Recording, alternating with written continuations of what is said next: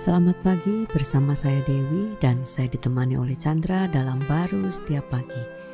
Yesaya 55 ayat 9. Seperti tingginya langit dari bumi, demikianlah tingginya jalanku dari jalanmu dan rancanganku dari rancanganmu.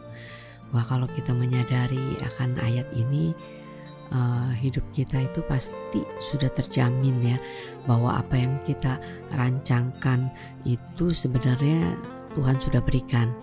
Dan rancangan yang kita miliki itu beda banget dengan rancangan yang Tuhan sudah sediakan kan? Dikatakan setinggi langit dari bumi itu udah beda banget gitu kan?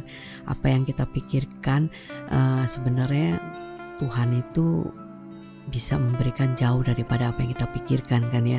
Seperti contohnya seperti Rasul Paulus gitu kan?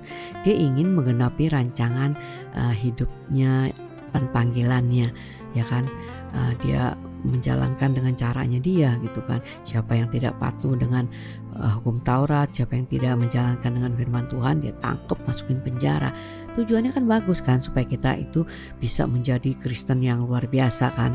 Tapi sebenarnya bukan begitu ya caranya Tuhan kan? Iya itu uh, Paulus itu salah satu contoh aja meneguhkan firman ini. Tidak mungkin uh, bisa kita bisa mengenal uh, jalan dan rancangan Tuhan. Hmm. yang di mana bedanya antara bumi dan langit. Hmm. uh, kan bumi dan langit nggak bisa disatukan kan? Betul jauh banget kayak gitu. Nggak, nggak nggak ke, nggak kebayang lah. Ya dia ingin meneguhkan segala usaha apa pun yang dilakukan oleh manusia. Hmm. tidak akan bisa mencapainya. Wow. Nah, yang terjadi seperti kayak uh, Paulus, Paulus tadi ya ya kan uh, dia berpikir dia uh, mengenal rancangan Tuhan melalui Taurat yang dia pelajari hmm. dan sehingga dia uh, mau menjalankannya tetapi di dalam menjalankannya justru terbaliknya orang yang dalam rancangan Tuhan justru dia menghalangi justru dia uh, bukan saja menghalangi membenci hmm. bahkan membunuh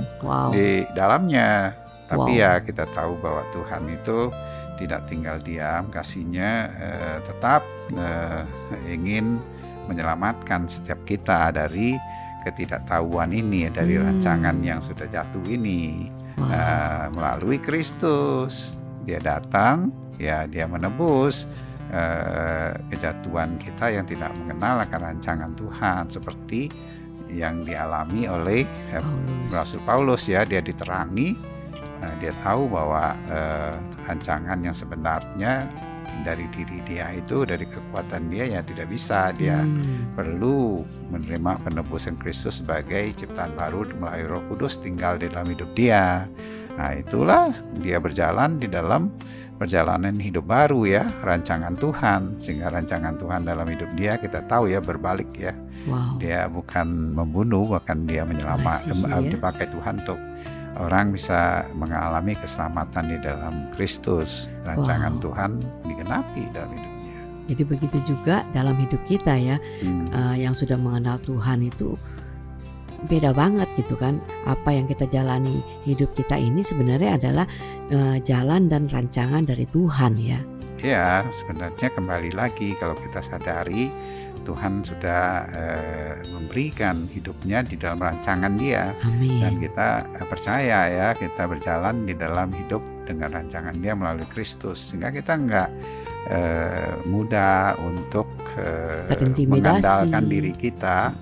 Uh, menjalankan apa yang kita inginkan yang terbatas, tapi kita percaya kepada Dia, Dia pasti akan menuntun dan memimpin kita sehingga rancangan Dia bukan saja merasa aman tapi pasti wow, amin amin. Amin